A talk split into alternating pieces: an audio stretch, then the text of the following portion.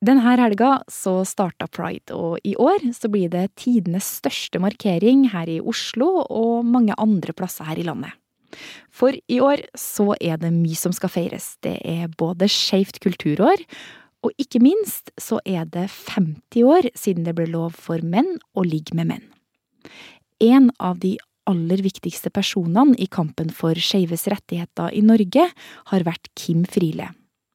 I november så døde hun 86 år gammel, og da laga vi denne episoden som du skal få høre nå. Så sa jeg så trøtt av at folk skal komme her og fortelle oss hva vi lider av og alt mulig. Så nå skal vi snu det på hodet. Nå skal vi invitere folk, og så skal vi fortelle. Og så skal de få kunnskaper. Og det var det mange som ble skremt av, altså. Da Karen Kristine Wilhelmsen vokste opp i Bergen, kunne hun kalles psykisk syk. For hun forelsket seg i feil kjønn. Kvinnen, som ble kjent som Kim Friele, var med på å sørge for at sex mellom menn ble lov i Norge, og at homofili ble fjernet som psykiatrisk diagnose. Denne uken døde hun, og hun hylles som en legende, pioner og barrierebryter. Du hører på Forklart. Jeg heter Synne Søhol. I dag er det fredag 26. november. Altså, jeg husker han jo uh, som den her, sant? Ivrig gestikulerende, gjerne med en røyk i, i kjeften, sittende på terrassen, eh, fortellende enten uh, festlige anekdoter fra livet sitt, eller eh, ivrig argumenterende for en politisk sak. Tone Hellesund er professor ved Universitetet i Bergen. Hun ble med i homobevegelsen tidlig på 90-tallet, og hadde så klart hørt om legenden Kim Friele. Men da Tone virkelig fikk mye med Kim Friele å gjøre, var for åtte år siden, da Friele ville gi hele sitt arkiv med bilder, brev, blader og bøker til universitetet og det som etter hvert ble Skeivt arkiv. I en svær kassebil så reiste vi opp til Haugastøl, der eh, Kim tok imot oss i hytten. Og vi pakket ned eske på eske, eh, masse forskjellig materiale.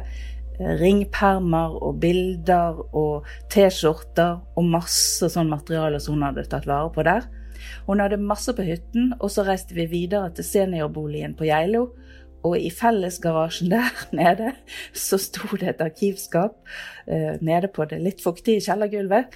Der var det også da masse mer materiale. Så vi lastet varebilen full, og så reiste vi tilbake igjen til Bergen. Så det var egentlig mitt sånn første sånn store møte med Kim. Eh, et stort høydepunkt i mitt liv.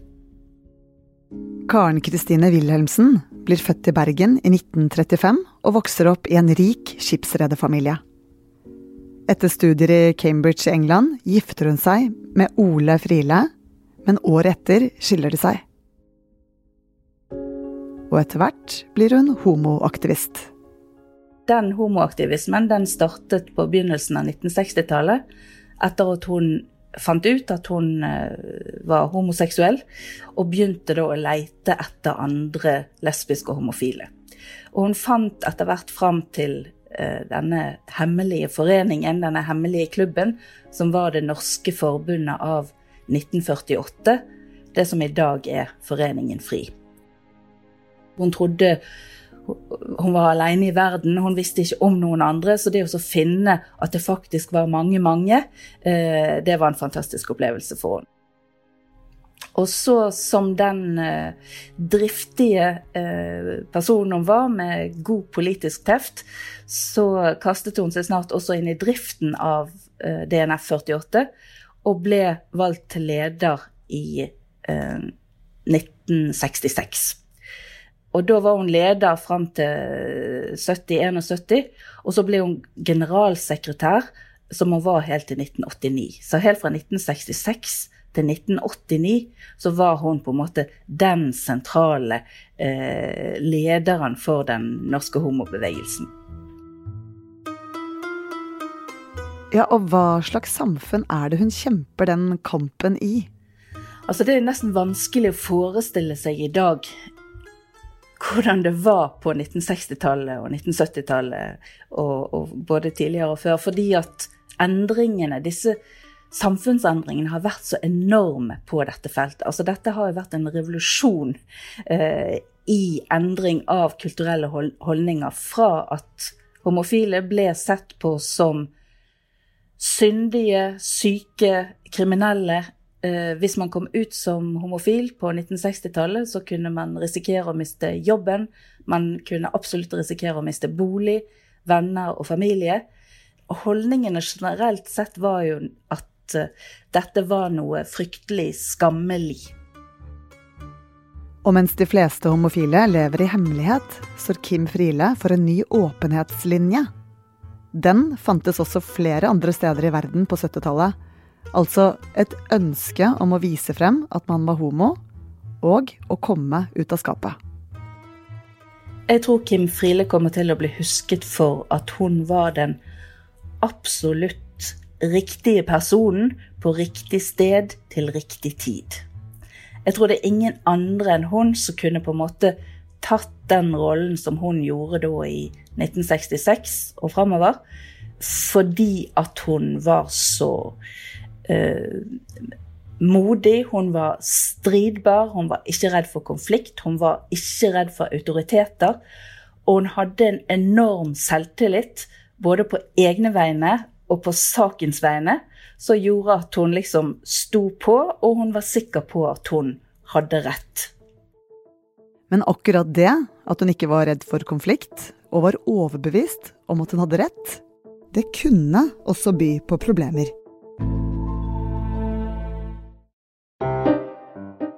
For å få homofili ut av hemmelige rom blir en viktig del av jobben til Kim Friele og forbundet å endre loven.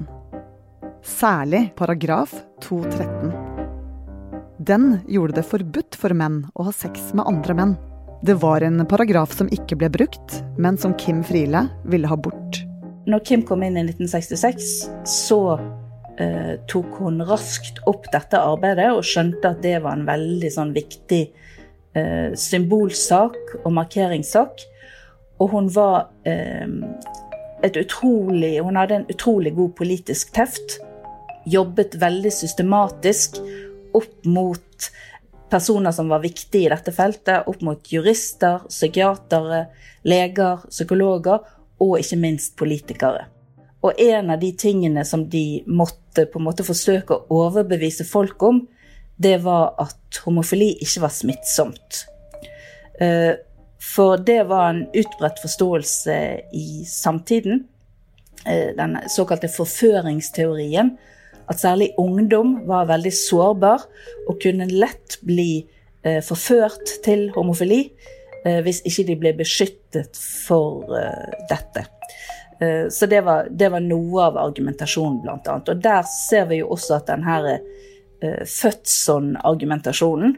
Uh, det er noe vi er, uh, det er ikke noe vi gjør, men det er noe vi er. Kommer inn som, som et viktig argument for homobevegelsen.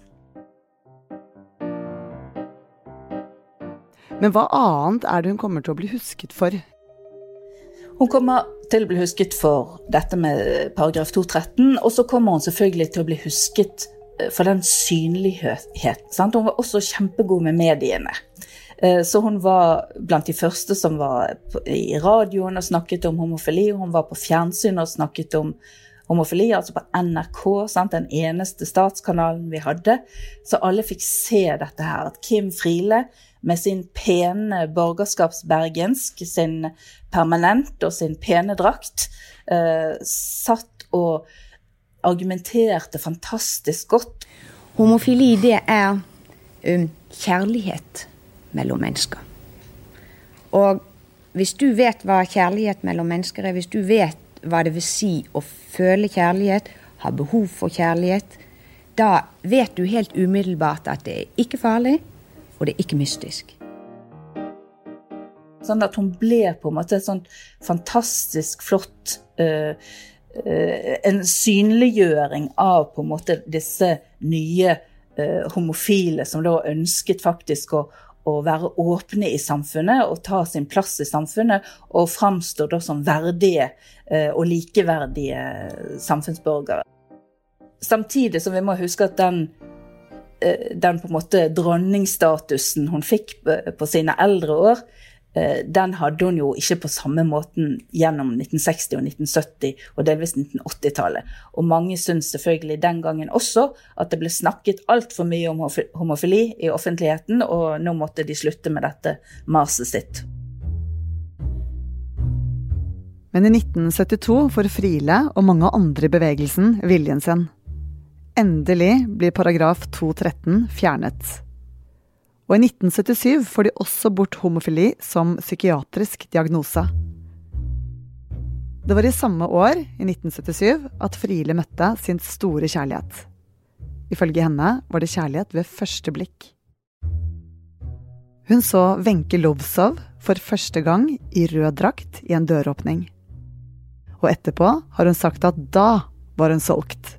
Absolutt solgt.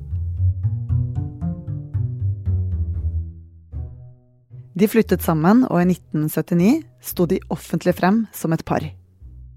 Men Wenche Lovsov var stortingsrepresentant for Høyre på den tiden.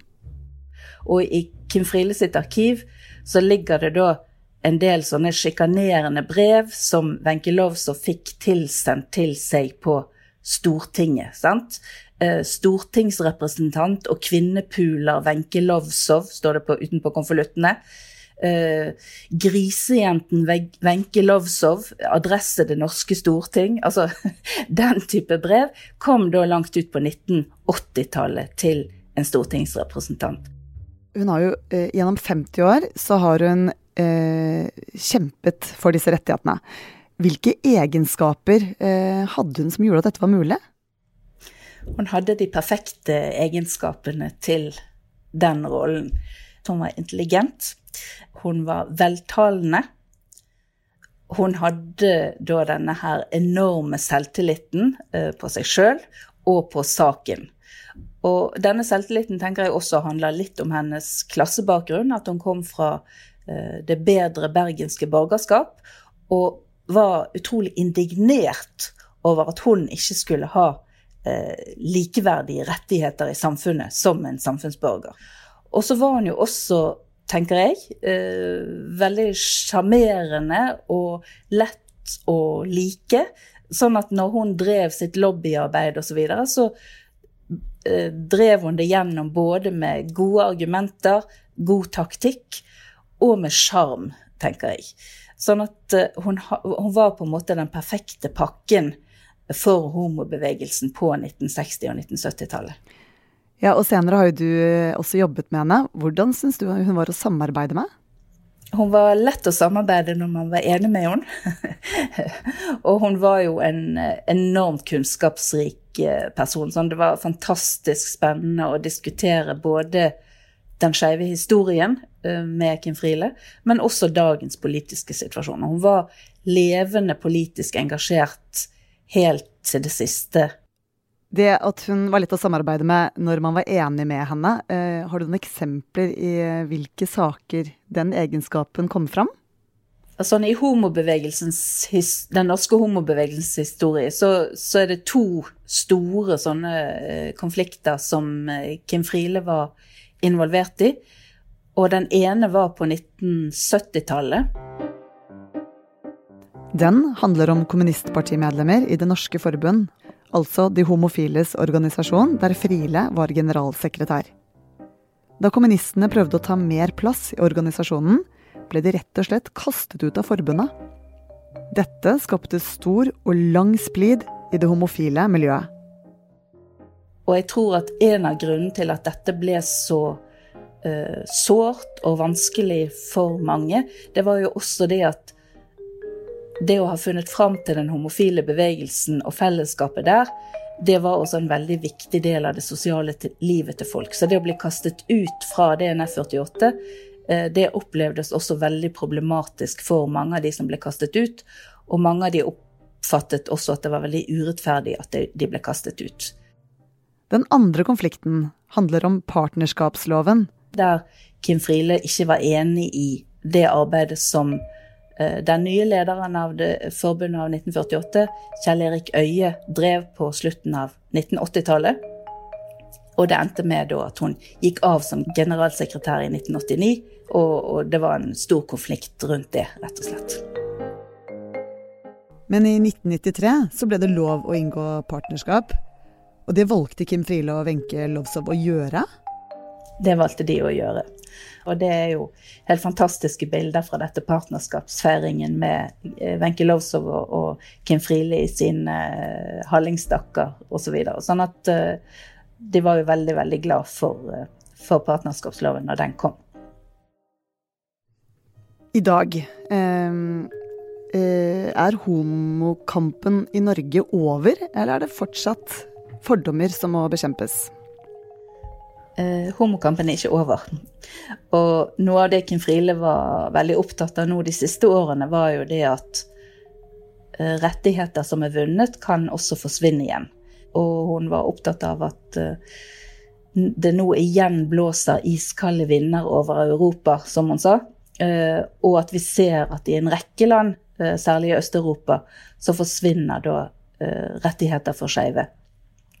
Men også i Norge så er det klart at det er fremdeles en, en eh, minoritet som syns at det er problematisk med eh, homoseksualitet og skeivhet. Og transsaken vet vi jo at det er en del veldig høyrøstede kritikere og motstandere av eh, at eh, transpersoner skal få rettigheter. Sånn at eh, det er helt klart uh, fremdeles behov for homokamp i Norge. Og det er også rettigheter som trenger å kjempes for, kanskje særlig da i forhold til transpersoner.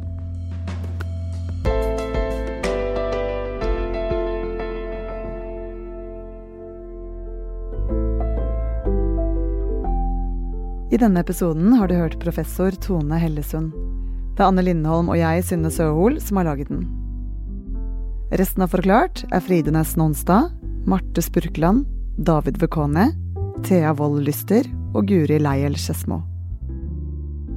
Lydklippene du hørte i denne episoden, er fra NRK og Skeivt arkiv.